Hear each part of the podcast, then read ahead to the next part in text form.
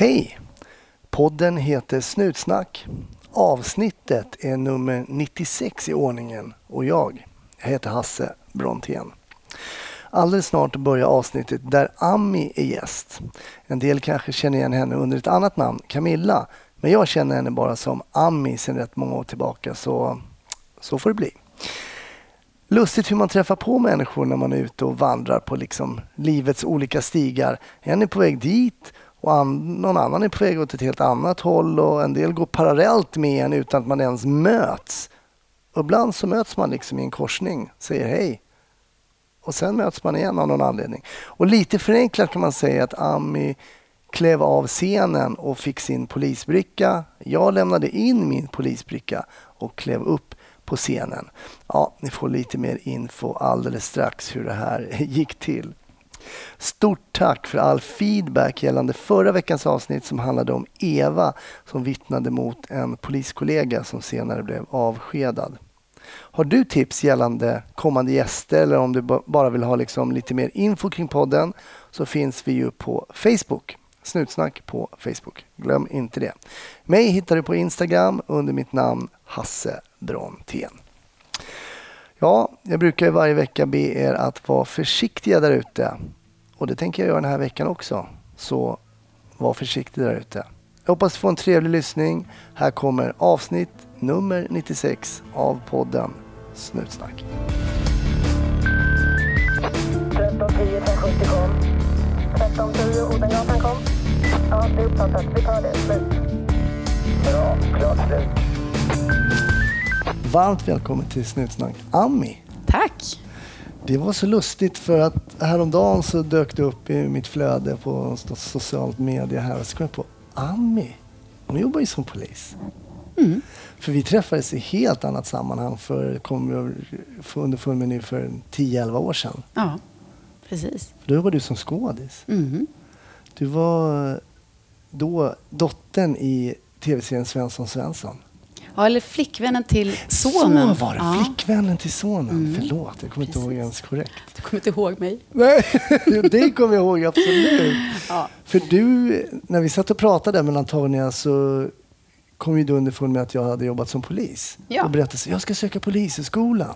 Ja, jag tror till och med jag gick Polishögskolan då. Eh, men att det var att vi bytte liksom karriärer du och jag då. För att jag kom från skådisbranschen och du kom från polisbranschen och så bytte vi där. Just det. Så att jag skulle liksom in i polisvärlden och du gick in i Just showbiz. Ja. Ja. ja, du ser alltså hur, hur människors eh, vägar kan korsas när de är på väg åt olika håll. Mm. Jätteintressant. Mm. Ja.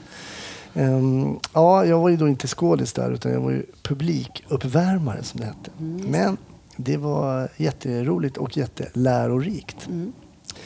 Men det blev ju polis av dig. Ja, det blev ju det. Men man kan ju tycka att om man är på väg in i... För du tyckte väl det här med skådespeleriet var väldigt roligt som jag uppfattade det? Ja, absolut. Jag hade ju drömt om att bli polis sen jag var liten egentligen. Men okay. så blev jag skådespelerska för det var också en dröm som jag hade. Och det blev jag tidigare om man säger. Mm. Jag halkade in på den banan och fick fast anställning direkt efter studenten. Mm. Och det är inte så många skådisar som, som får den chansen. Var fick du det, det någonstans? Eh, den här teatergruppen Ung utan pung heter den. Ja. Ung utan pengapung står det för då, så att man inte tror något annat. Eh, men så det var ju, vi turnerade runt med 200 till 250 föreställningar om året i sex år på turné. Just det. Mm. Så då blev det liksom lite försenat, de här polisdrömmarna. De låg kvar och bubblade lite och sen till slut så, så sökte jag. Och kom in och gick polisskolan. Och vad fanns det för drömmar då? Liksom att, eh, vad ville du göra som polis? Jag tror inte jag hade någon utstakad eh, liksom, väg eller roll. Utan eh, det var mycket det här... Eh, polisyrket lockade väl mig för att jag ville kunna göra någon form av skillnad. Inte kunna rädda världen, men kan jag påverka någon eller eh, göra någon skillnad i världen så, mm. så ger det mig någonting tillbaka. Eh, just det här med rättvisa har varit väldigt viktigt för mig. Eh, jag kan inte bara stå och se på när någonting sker som inte är okej. Okay. Utan då har jag gått in i sådana situationer och försökt göra vad jag kan göra. Mm. Och då vill jag väl egentligen bara få mer utbildning i det. Mm. I just sådana här lite mer allvarliga situationer där jag kanske gick in ändå, innan jag blev polis. Och eh, nu vill jag få lite mer verktyg. Hur slutade det innan du gick in då? När du... Eh, Nej, men det, det gick ju faktiskt oftast bra. Mm. Men jag kände ju att det låg liksom i mig på något sätt. Jag behöver utbildningen och jag vill, jag vill liksom ha rätt verktyg till det. Fick du rätt verktyg tycker du, när du under den utbildningen till, till när man pluggade till polis? Absolut, det fick jag. Det var en fantastiskt rolig utbildning. Mm. Jag älskar den här blandningen med teori och de här fysiska momenten med mycket träning och eh, ja, men att spela teater egentligen. Det blir ju lite så, även in, i polisyrket. Ja, alltså det är såklart tänkte jag ju komma till det för att jag också, hävdar också det att en duktig polis är också en duktig skådis för att i vissa delar så kan man ju, eller måste man ju ibland kanske agera glad och mild fast man inte alls är det. Så skulle du vilja påstå att du har haft liksom användning av, av ditt skådespelarådra också någon gång? Absolut. Jo, men verkligen. Eh, ibland måste man vara arg, fast man kanske egentligen inte är jättearg. Men man måste vara tydlig och arg och hård. Ibland måste man vara väldigt förstående och eh, lugn, fast man kanske bubblar inombords. Mm. Tycker något helt annat egentligen själv. Så absolut, det är jätteviktigt. Mm efter du var färdigutbildad som polis, då, man får ju liksom i alla fall det är ett ganska brett spektrum. Man eh, pluggar ju liksom utredning, man pluggar ju eh, ordningspolistjänst och så vidare. Var det någonting redan på skolan som du kände så här, men det här verkar ju mer spännande än någonting annat? Oh, ehm, jag vet att jag hade ändå något så långsiktigt mål, att när jag blir 45 plus, ish, så tänkte jag att eh, då vill jag vara på det som kallades Rikskrim, mm. alltså som utredare. Eh, som nu heter NOA, då, Nationella operativa avdelningen. Mm. Det hade jag som långsiktigt. Sen har jag väl alltid varit intresserad av grov, grova brott. Alltså, mm. Alltså, och gärningsmännen bakom det har jag varit väldigt intresserad av. Um, vad är det som gör att man begår brott? Eller den här typen av brott? Vad är liksom tankarna bakom? Jag vill mm. på något sätt försöka förstå. Mm man behöver inte acceptera och tycka att det är okej. Okay, men mm. jag vill kunna förstå varför en människa gör som den gör. Så den delen har alltid varit väldigt eh, intressant att få jobba med. Jag tänker att, att det finns ju någonting. Jag tycker också grova brott är... Det var ju det jag också tänkte på. Det är ju sällan man hör någon som bara, men jag vill bara jobba med olaga affischering. Alltså, det, och det är ju någonting, man vill ju fånga också, man säger men jag vill i alla fall fånga bovar, liksom, riktiga mm. bovar. Mm. Eh, och ju liksom större bovar, desto större fjäder i hatten på något sätt. Ja, jo men absolut. Det var ju den spännande delen. Liksom adrenalinpåslagen och mm. de delarna. Absolut, det var ju också kul. Visste du, hade du liksom, du sa att du gav dig in i vissa situationer ibland innan du blev polis. Men just där jag tänker på adrenalinpåslag och hur man reagerar i de här situationerna. Hur mycket tyckte du att du var förberedd för det? Eh, jag vet inte hur förberedd man kan vara. För att, visst, man kan alltid tänka sig hur det ska vara. Men jag tror man måste vara i en situation innan man kan veta. Mm. Eh, det går liksom inte att förbereda sig Nej. hur du ska reagera. Nej. Man kunde se klasskompisar på POS som var jättelugna, eh, kanske som personer. Och sen i vissa situationer så händer det någonting och då händer någonting med dem. Eh, det, det, vet man inte förrän man är där och då. Nej. Det är väldigt intressant. Mm att man ibland kan förvåna sig själv hur man ja. reagerar. För man, att man inte kan känna sig själv ända in i märgen så säkert. Mm. Förrän man utsätts för vissa liksom, specifika situationer. Men det är klart att har man med sig någonting sedan tidigare, att man ändå har varit i situationer där det har varit jag menar, heta temperament mellan människor, alltså argumentationer. Det är klart man kanske har med sig någon form av erfarenhet då in i mm. polisyrket. Men mm. Jag tror ändå att uh, du måste, måste göra några år i radiobil och komma in i det för att veta hur du ska reagera i olika situationer. Mm. Var det någonting som du var orolig för, liksom, som du oroade dig för när du gick utbildningen eller som du liksom sa, ah, det här? Nej, nej, det var jag väl inte. Det enda som jag känner att jag fick en, en liksom aha-upplevelse, eller vad man ska säga, en liten boost kanske. Det var när vi gick polisutbildningen så eh, var jag i patrull med en, en kvinnlig klasskompis. Mm. Och vi skulle då in i en situation, och man vet inte alltid vad det är man möter, men i den här situationen så skulle det då vara en väldigt våldsam man som vi skulle gripa. Mm. Och vi var två tjejer, ungefär lika stora i kroppsstorlek och han var väldigt muskulös och stark. Och vi lyckas ändå övermanna honom och mm. Gripa honom och brotta ner honom och sätta handfängsel på. Och jag vet att jag kände det efteråt, att vad skönt liksom att det inte ska behöva kännas som en rädsla när man går ut. Att, att den här fördomen om att men kvinnor klarar inte det, eller vi har mindre muskler, eller vi är liksom svagare. Att nej, vi klarar det med rätt eh, rätt teknik Mm. och liksom trycka på mycket smärtpunkter. Man får använda andra typer av teknik än bara styrka. Just det. Det var väldigt skönt att ha gått igenom det innan man kom ut på gatan. Men var det så att du nästan, oj fasen, det här gick ju bättre än vad jag trodde. Eller hur var känslan? Var det... Jag tror inte att jag varit så orolig för det eller så, Nej. men det var en väldigt skön känsla att faktiskt ha gjort det innan man hamnar i en skarp situation. Mm. Utan att faktiskt veta att ja, vi klarade en stark man Mm. tillsammans. Och också tryggheten att kanske stå framför någon och, och liksom kunna samtala med någon och veta om det bär iväg här så, så har jag det här med mig också. Mm. Ja, men man behöver nog de här positiva minnesbilderna också sen Mm. när man går ut i verkligheten. Liksom man också behöver ha sina misslyckanden Mm. på Polishögskolan. Det var ju jättelärorikt när man gjorde någonting fel där. För då får man ju med sig det sen. Just det. Jättelärorikt. Jag har ett minne av en av mina klasskamrater som sprang iväg efter någon där på Lagtorget eller vad det hette och tappar båtmössan och stannar och springer tillbaka och hämtar den. och fick liksom så här, ah, vänta nu, nu måste vi kolla prioriteringsordning. Hur viktig är din mössa i det här läget? Kan du få en ny mössa senare? Och så vidare. Små grejer som är, som är väldigt roliga efteråt men som är så här, ja självklart skulle jag skitit i mössan. Liksom. Ja. Och i en skarp situation kommer man skita i mössan. Så Ja. det är ju bra att man gör de där sakerna där och då. Exakt, exakt. Men när du kommer ut då, får du välja var du vill jobba någonstans? Eller hur söker, hur sökte, hur, vilket år var det du var färdig? Jag var färdig 2009. Mm. Eh, så att, eh, jag tror att ordningen då var, man är aspirant i ett halvår och sen eh, hade vi väl en viss krimrotation eftersom det var underbemannat på krim. Då var jag på krimjouren i söderort. Mm. Eh, och sen efter det så var man i radiobil också eh, några år och sökte sig vidare. Det fanns ju så många tjänster man kunde söka inom polisen. Det var ju lite som att det var en egen, eller det är, eh, som en egen arbetsförmedling kan man Mm. säga. Alltså det finns så många olika tjänster du kan, Ja. kan söka. Ja, det är häftigt. Ja, Men du menar att du kom till krimjouren först alltså, när du var klar? Eller? jag kommer inte ihåg exakt om det var IG först då, alltså den här ingripande verksamheten, Mm. eller om det var krimjouren först. Men det var, jag vet att man hade den där perioden på krim, Mm. eh, som också var väldigt utvecklande. Hur var det att komma då ut? Eh, jag tänker på ingripande när man åker radiobil och, och bara står mitt uppe i verkligheten. Alltså i små case, stora case. Hur var det plötsligt? Kände, kände man av den här känslan? Nu är jag ju liksom...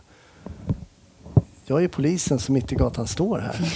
Och folk, Ja, får man en, fick du någon form av känsla att jag är liksom, nu är det inte på skoj längre? Ja, absolut. Det fick jag. Eh, Jag tycker det är så imponerande med, med folk i yttre tjänst, för det är så mycket man måste liksom kunna. Alltså den kunskapsbanken som finns hos de som åker radiobil. Eh, Och måste kunna ganska mycket i alla fall. Sen kan man alltid ringa och fråga om saker som man är osäker på. Men eh, det tyckte jag var väldigt imponerande och man kände väl sig på något sätt att man hade en plikt att hålla sig uppdaterad och kunna mycket. Man hade nog mer fokus på det. Sen var man ju visst varje situation är ju så unik. Man vet aldrig vad ett pass, vad som kommer hända under ett pass. Mm. Så jag vet att det var någon period jag försökte skriva ner efter passet vad man har varit med om. Eh, Men sen jag kommer ihåg, alltså man kommer inte ihåg så många, många case man har varit på i efterhand. Det är, alltså det är mycket som glöms bort. För det får inte plats i hjärnan, allting man har varit med om. Eh, Så lär man sig så mycket. Så, ja, jo, men det som kändes var väl att man var en relativt ung tjej som ska säga till vuxna människor och bete sig. Det vet jag var en sån här eh, ögonöppnare. Att, Mm. Hur, hur blev du bemött när du kom ut som ung, nybakad polistjej? Jag tyckte ändå att det var en fördel också. Jag har ju inte varit man och kommit ut som polis. Jag vet inte hur det är. Men Nej. eh, nej, jag såg inte några nå problem med det alls. Eh, jag vet bara att jag reagerade på att det är ingen som ser mig bakom uniformen. Eh, ibland. Nej. Alltså att från att ha gått från skådespeleriet, att man har stått på scen och fått stående ovationer, till att man står bakom en blå polisuniform och blir kallad hora fyra gånger under ett och samma arbetspass. Den, den grejen vet jag blev en sån stor chock. Det. Hallå, jag är ju faktiskt en person bakom den här uniformen. Mm. Men du struntar i det, du kastar sten mot mig.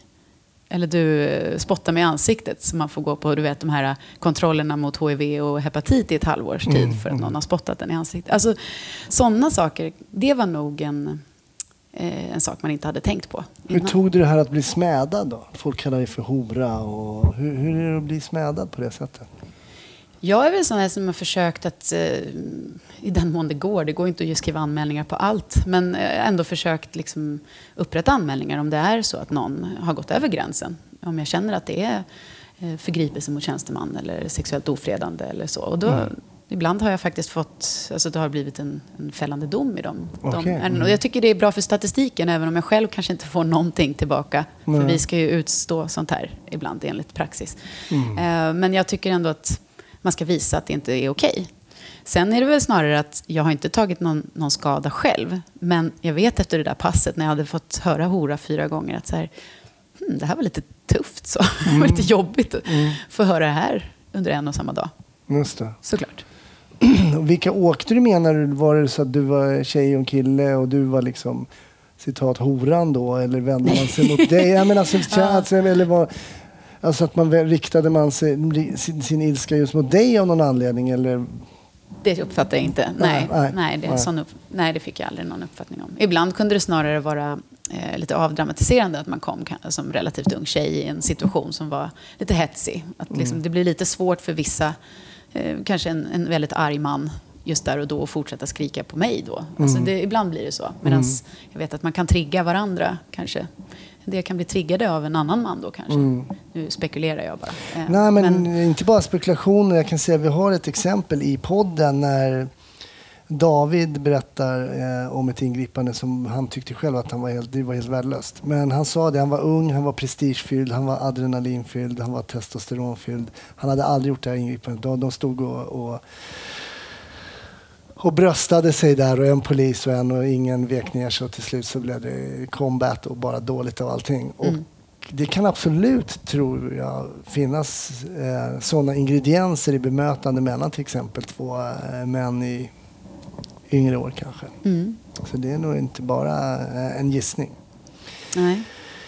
Eh, hur var det att komma som ung tjej till en polisstation då? För det är ju mest killar egentligen. Eh, fortfarande är det ju, jobbar det ju fler män som poliser än, än tjejer.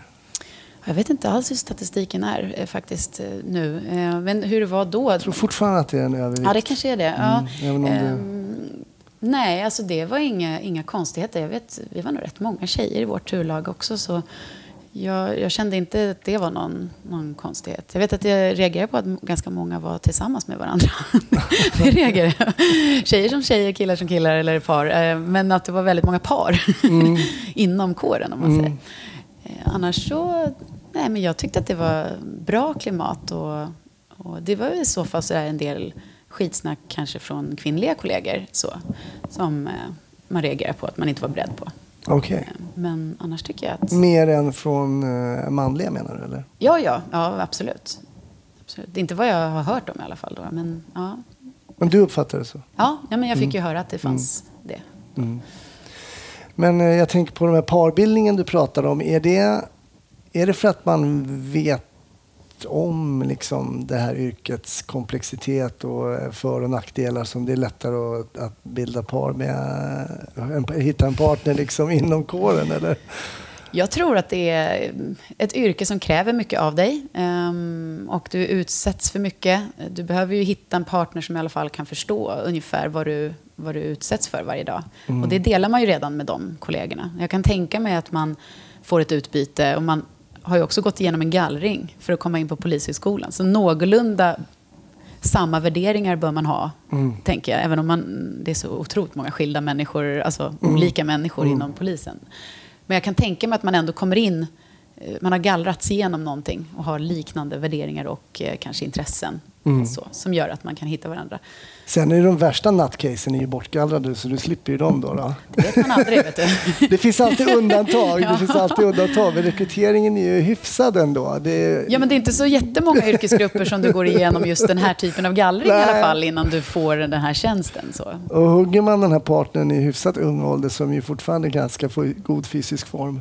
Men det kan, det, det kan ändras också, det vet Sånt kan vi. ändras, ja. Okej, ordningen. Eh, du sa att du, sen började du spana lite efter eh, lite andra tjänster och sådär. Var jobbar du idag? Ja, nu är jag ju på utredningsenheten på nationella operativa plus... Eh, Men jag är inte plus 45. Nej. Jag kom dit lite tidigare faktiskt än vad jag trodde. det blir så ibland. Ja. Nej, men här emellan har jag ju varit på eh, ungdomsgrupp, alltså yttre ungdomsgruppen och jobbat mycket med ungdomar eh, i problemområden. Så att det blev ju ganska tidigt från ingripande verksamheten att jag sökte mig till att jobba eh, civilklädd om man säger då. Alltså mer så åka civilbilar, alltså civila bilar. Ehm, och mycket kontaktskapande med ungdomar. Mm. Eh, Så att det, det tyckte jag var väldigt givande. Det gjorde jag ett tag.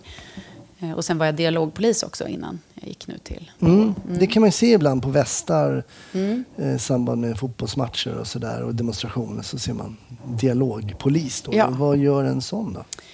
Man eh, försöker egentligen underlätta för eh, till exempel då demonstrationer. Eh, för att få det så smidigt som möjligt. Att parterna ska kunna få igenom det man vill.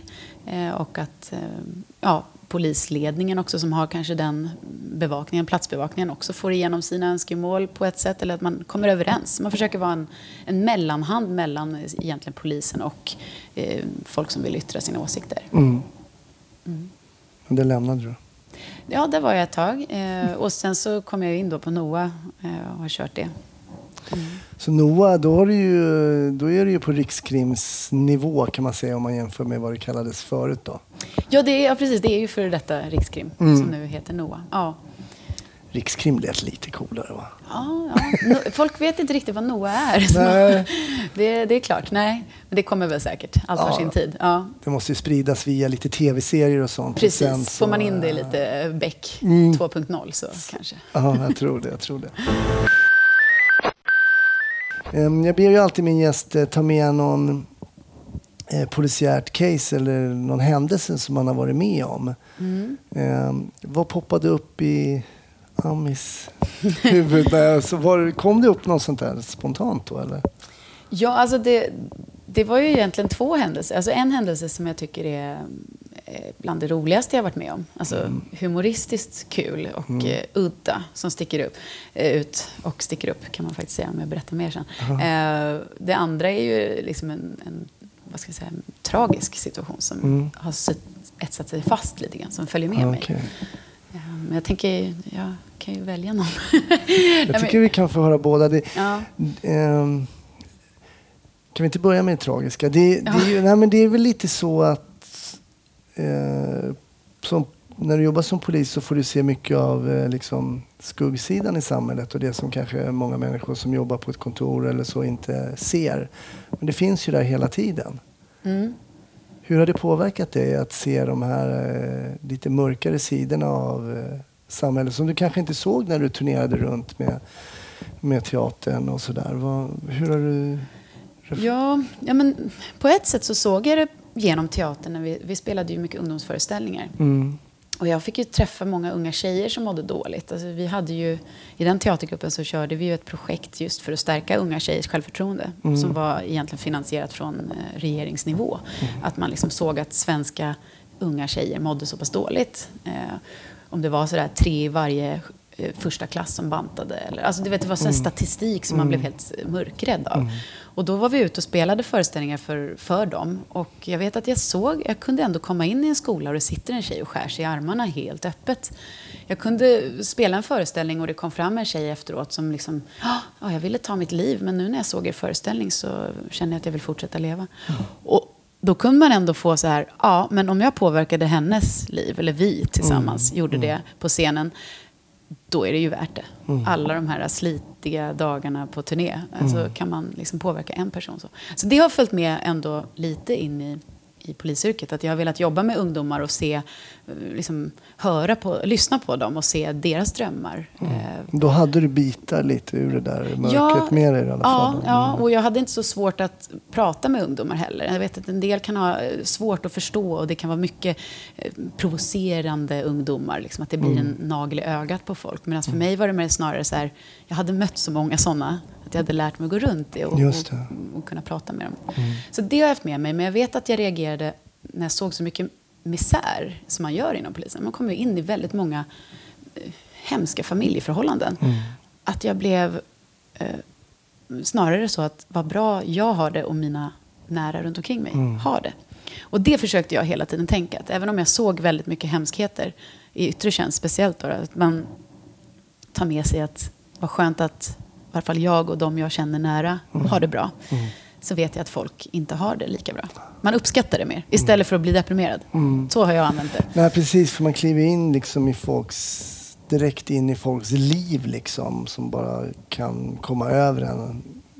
Och bara, vad, bor ni så här? Eller lever ni så här?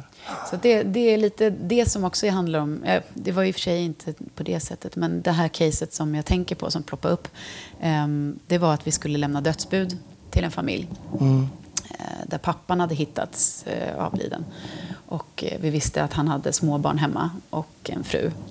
Så att vi åkte dit och tog med oss då eh, SOS och så. Alltså för att man har med sig, man försöker förbereda så gott man kan. Man vet inte hur reaktionen ska bli när man lämnar ett dödsbud. Men, men då tog vi med oss det och eh, vi ringer på. Eh, och så öppnar det då ett av de här små barnen, öppnar dörren. Okej. Och vi frågar, men hej, är, är mamma hemma? Nej, hon är utomlands, men pappa kommer snart. Och då kände vi så här, okej, vad gör vi nu? Barnen är hemma själva, pappan kommer inte komma hem. Hur gamla Mamman var är barnen då? Om jag minns rätt så var det till exempel 15, 10, 6. Alltså den var tre barn. Eh, så att den här 15-åringen hade väl, de kunde ju ändå vara hemma med 15-åringen. Så, Jag fattar, men ja. liksom, pappa kommer inte komma och mamman är utomlands. Så det blev ju lite stand då där, vilket man ofta hamnar i inom polisen. Eh, det blir nästan aldrig som man har tänkt sig, även om man är förberedd. Så att vi, eh, vi fick helt enkelt dela på oss lite i patrullen, eh, gå ut och försöka få tag på mamman på telefon. Eh, vilket är jättehemskt, man vill inte lämna ett dödsbud på telefon. Men vi var tvungna att få tag på mamman. Medan jag blev den som fick vara kvar i lägenheten och sitta och prata med barnen. Och det får man också göra mycket inom polisen som man kanske inte tänker på. Men det här med kallprat. Att sitta och prata om, om ingenting med folk i väntan på någonting. Och jag tycker att om det var en timme eller så, jag fick ändå vänta. ehm, så det, det samtalet var bland det jobbigaste jag har gjort. Men berättade du för barnen nej, då? nej. Nej, eftersom vi ville få Alltså, tag på bara- mamman först. Det var bara stålar? Det var liksom. bara kallprat. Mm. Eh, eller bara, men och alltså, samtidigt som du då vet att deras pappa lever inte längre? Nej, jag sitter i deras kök och ser alla fina bilder, alltså familjebilder på dem. Och de pratar om sin familj, och de pratar om sig själva, sina drömmar. Mm. Allt som man pratar med, med, med barn och unga. Och det, tiden går. Alltså, jag sitter där jättelänge och det känns ju som en evighet. Ja, Den här, jag vet inte hur långt det här avsnittet blir, men man kan ju tänka sig då hur länge man Mm. ska sitta och prata med någon som man vet. Snart kommer jag kanske behöva berätta det här också. Man vet inte riktigt vilken nivå man ska lägga samtalet på. eh, Mm. Men var du där civilt då eller var du där? Ja, man kommer ju ofta civilklädd om det är så Mm. att man inte vill ha uppståndelse i trapphuset och sånt där. Nej, Så det var faktiskt en, en em, lång väntan och så visste jag ju inte, ska jag behöva berätta sen? Mm. Kommer de liksom bli arga på mig för att jag har suttit och inte sagt någonting i en timme? Men så visade det sig sen då att eh, mamman hade inte velat att vi skulle säga någonting till barnen. Hon ville berätta det själv. Okej. Så hon skulle försöka ta sig hem. Eh, och i väntan på då ringde de dit en släkting. Mm. Som då fick ljuga ihop en historia om var pappa var någonstans. Och varför polisen var hemma hos dem. Så att vi i alla fall slapp ljuga. För det känns inte bra att i polisrollen behöva ljuga för någon eh, där och då. Men den, den, det kallpratet tyckte jag var otroligt eh, känslomässigt laddat. För man visste inte Nej. vad som skulle hända. Och du kunde ju också bli avslöjad. Alltså, du kunde ju ringt på telefonen och mamman kunde ha ringt eh, uppgiven och lite chockad och så vidare. Så att. Ja. Men det är intressant det du nämner med det här med, med kallprat. Mm. Jag har faktiskt aldrig tänkt på det innan men det är ju en, en, en ingrediens som är värdefull. Mm. att kunna underhålla en, en, ett moment liksom och hålla det levande. Mm. Men just att inte veta heller när som helst kanske jag kommer behöva berätta Mm. den här nyheten som är så otroligt hemsk. Men hade du den tanken konstant då eh, att liksom, jag kanske måste avbryta det här när vi pratar fotboll eller vad det nu kan handla om, idrott eller att jag måste bara kliva in och bli en, ta en annan roll liksom. Ja, det var ju mycket vad väljer jag att prata om här och nu. Mm. Eh, för jag har själv en förä- eh, min mamma gick bort när jag var liten. Mm. Och jag vet att jag minns eh, det kallpratet jag fick. Med, jag var ute på kollo när jag skulle få veta, få veta det här. Och alltså hur arg jag har varit på den eh, liksom, för, fröken, eller vad man ska säga, som försökte, hon försökte ju så här, göra sitt bästa. Så här, på vägen till att jag skulle få veta det här så säger hon, "Ah, du ska vara så glad att du har så många i ditt liv och som, som tycker om dig och som älskar dig. Och, och du vet, jag fattar inte vad hon pratar om. Men i efterhand när jag sen fick veta vad som hade hänt så vet jag att jag blev så arg på att hon sa så. För jag har ju inte min mamma. Förstår du vad jag menar? Och då kände jag lite så här, vad kan jag sitta och säga till de här barnen utan att de ska sen bli arg på mig?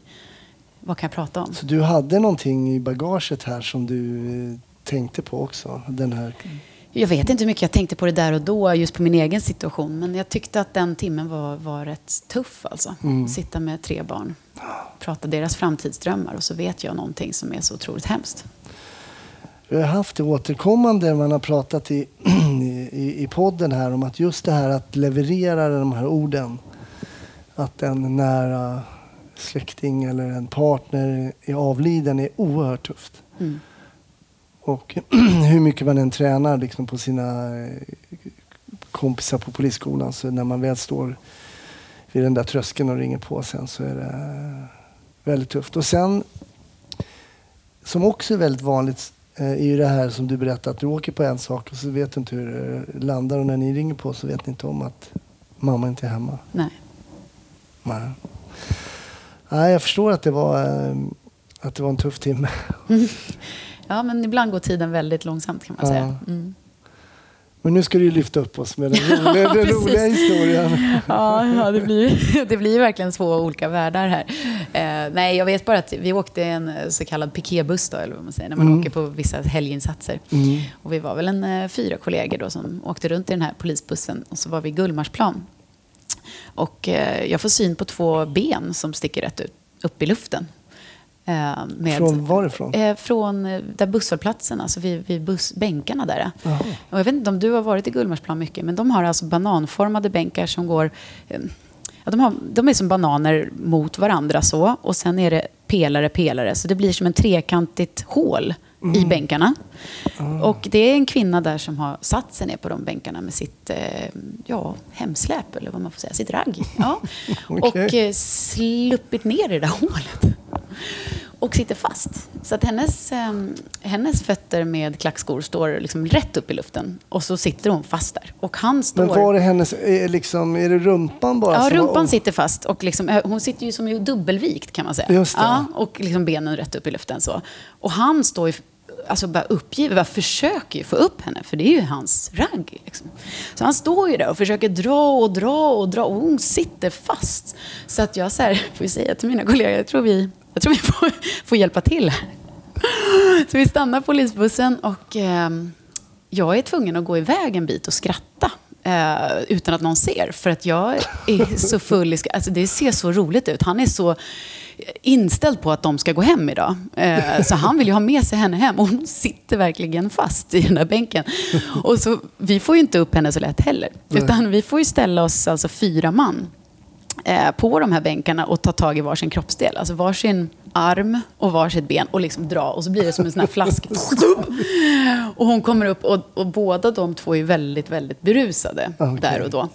Eh, men ändå, visst hon kan klara sig själv någorlunda. Men vi hade ingen aning om vad deras relation var. De verkar inte känna varandra så mycket. Vi vet inte, ska hon få följa med honom hem? Eller alltså, Ja, det, den här situationen, man vill inte att det ska bli en så här vakna upp på morgonen och de vet inte varför de gick hem ihop. Utan vi kände ändå att eh, de här var lite för berusade för att gå hem tillsammans i alla fall. Eh, så då skjutsade vi hem henne. Eh, Okej. I alla fall. Men det var ju så roligt bara för att hon, hon var väldigt berusad. Så sa, sa jag det, hur, hur mycket har du druckit ikväll? Hur mycket har du druckit? Så det är de här samtalen man har i bilen som är väldigt givande. Nej, men jag har ju inte druckit så mycket. Jag är ju, du kanske ser det, men jag är ju polis. Jag, ju- jag jobbar ju, så jag har inte druckit. Nej. Ja, men har du nycklar hem nu då, när vi åker hem till dig? Nycklar är ingenting jag befattar mig med. Och när folk Vad försöker var det för vara... ålder på den här kvinnan? Nej, men kanske 45-50. Alltså, så inte, ja, ja. Men liksom, hon skulle vara, när, du vet när man är så där berusad, man, man känner ändå att man måste skärpa till sig. Men så blir man inte riktigt smart ändå. Nej, nej. Ja, där var hon ungefär. Så hon liksom använde väldigt fina ord, men det blev jättekonstigt. Men hon hade faktiskt inga nycklar hem. Alltså, Nej, nej. och det var olåst. Så att, eh, ja, det var inget hon befattade sig med. Men hon var vig för sin ålder. ja, ja, ja, det var, det var Om hon var som en sån klappstol ja, nästan. Ja, det måste nästan ha varit det. För det där eh, misstänker jag att du inte hade utbildning för på Polishögskolan. Dra upp kvinna ihopfälld mellan två bänkar. Eh, nej, nej. Nej, man har väl hört om liksom skaderisken att sitta så som en fällkniv. Det hade man ju lärt sig liksom på eh, sjukvården där. Men eh, nej, men inte just i det, den situationen. Med ett ragg som försöker dra upp dig, fiska upp dig. Nu eh, så är du ju på NOA. Mm. Och eh, vad är dina arbetsuppgifter? Ja, jag är på utredningsenheten, så att jag är ju utredare. Eh, NOA har ju både ja, men att de fungerar som en resurs som kan vara behjälplig ute i landet. Om det är mycket skjutningar någonstans eller det terrorbrott eller så man behöver resurser och utredningsresurser så finns man som en sån biträdande funktion. Sen är det ju också att det finns eh, ja, men olika specialbrottsligheter som behöver kanske eh, spetskunskap för just inom visst område. Så. så det finns lite olika sådana grupper också. Alltså, det finns ju riksmordskonventionen, som, eller riksmord, som åker ut om det är kanske lite mer komplicerade mord eller så, att man behöver lite extra ledning i utredningar. Och sen finns det ju mm, artskydd och det finns immaterialrätt och så finns det då, eh, där jag är nu, nationella antikorruptionsgruppen. Nationella antikorruptionsgruppen. Ja. Då jobbar man med alla mutbrott i hela Sverige. Okej. Mm.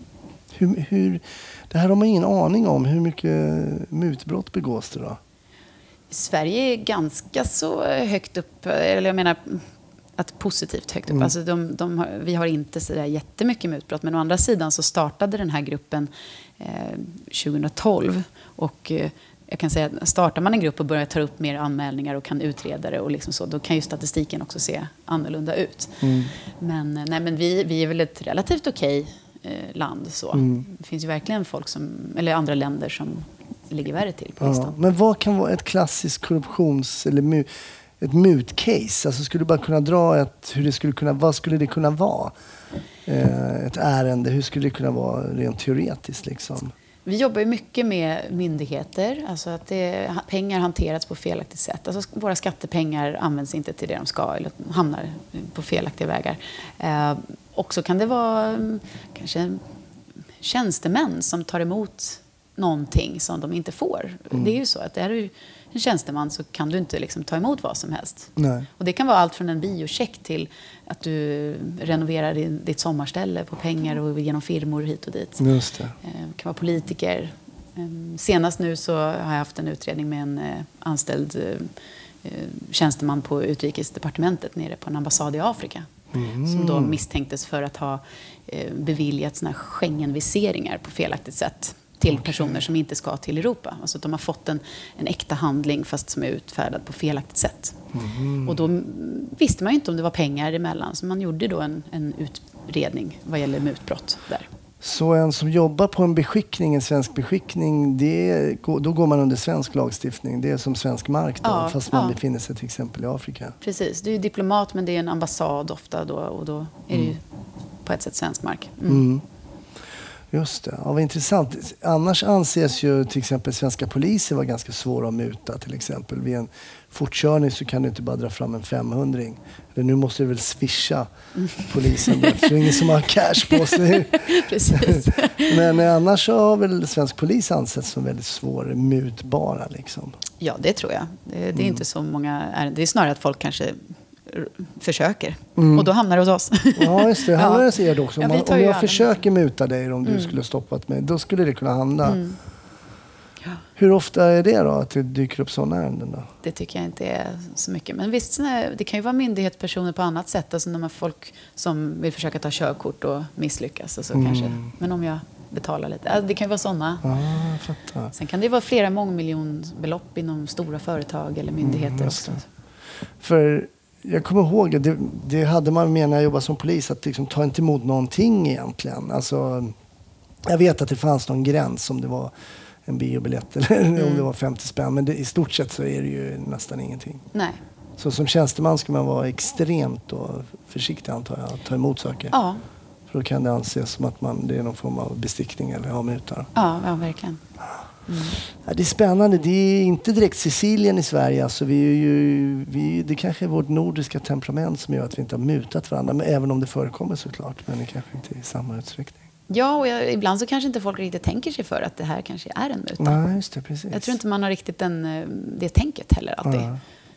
Kanske får en bok eller man får någonting som Ja, ändå men bjudmiddagar hit och dit. Och man, liksom, ja, det. man tänker inte alltid på det. Nej. Men du Ami, som eh, har skådisyrket eh, i ryggsäcken och som, eh, vi måste ju avsluta med lite polisfilmer. Ja, ja. Ja. ja. Är det Hur- quiz nu eller? Nej, det är, det är ju quiz. Jag vill bara höra vad du, för det första, kollar du på polisfilmer? Ja, men det gör jag. Jag tycker det är intressant. Ja. Kan du liksom, eh, sitter och ojar dig och slår dig för knäna och bara, nej där ring, där går det, så där går det inte till. Jag blir ganska glad faktiskt att det inte alltid är som i verkligheten.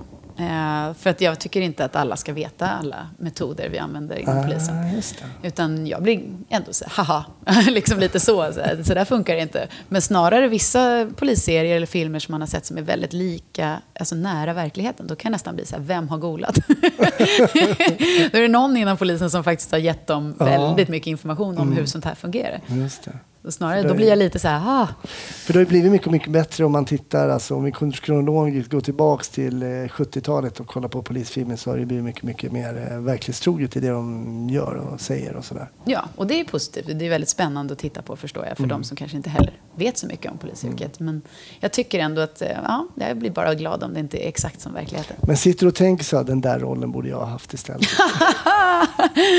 ja, eller hur? Ja, varje serie. Nej, men det är klart att det, det är roligt. Lite har man väl gjort såna här eh, roller eh, med polis, eh, som polis. Eh, Men det, det är absolut det är en sån här sak som skulle vara rätt kul. Jag tycker det var roligt att du ens pratar med mig här och nu. För för mig har det varit två olika världar. Eller, jag har ju haft två olika identiteter. Alltså, jag har haft skådis-Ami och polis om man säger så. Så det. för mig är det första gången som jag förenar de här nu med Just dig. Kan man säga. Men vad tyckte Ja. dina skådiskompisar om att du skulle börja jobba som polis då? Ja, alltså de som kände mig väl eh, visste väl att jag på ett sätt har drömt om det eller tänkt på det. Att liksom någon gång skulle det vara kul. Och jag kände väl att jag ville gå utbildningen innan jag skaffade familj och innan jag liksom, för jag tror att det är svårare med en utbildning då, eh, att plugga. Så det var väl det, att jag kände att jag, jag testar nu. Liksom. Men vad ser vi dig om tio år? då? Är det på, eh, på bio eller i ett förhörsrum? Det vet man aldrig. Nej, det är det som livet, Nej. är Tänk om du ser mig i ett förhörsrum på bio. Det hade varit något. Kan du rekommendera någon polisfilm? Just film eller serie? Eller? Jag får rekommendera vad du vill. Alltså jag tittar ju mycket på såna Netflix och Mm. HBO och sånt där. Eh, Just nu tittar jag på den här Bosch. Eh, Var lite skeptisk i början, men nu tycker jag faktiskt att den har tagit sig.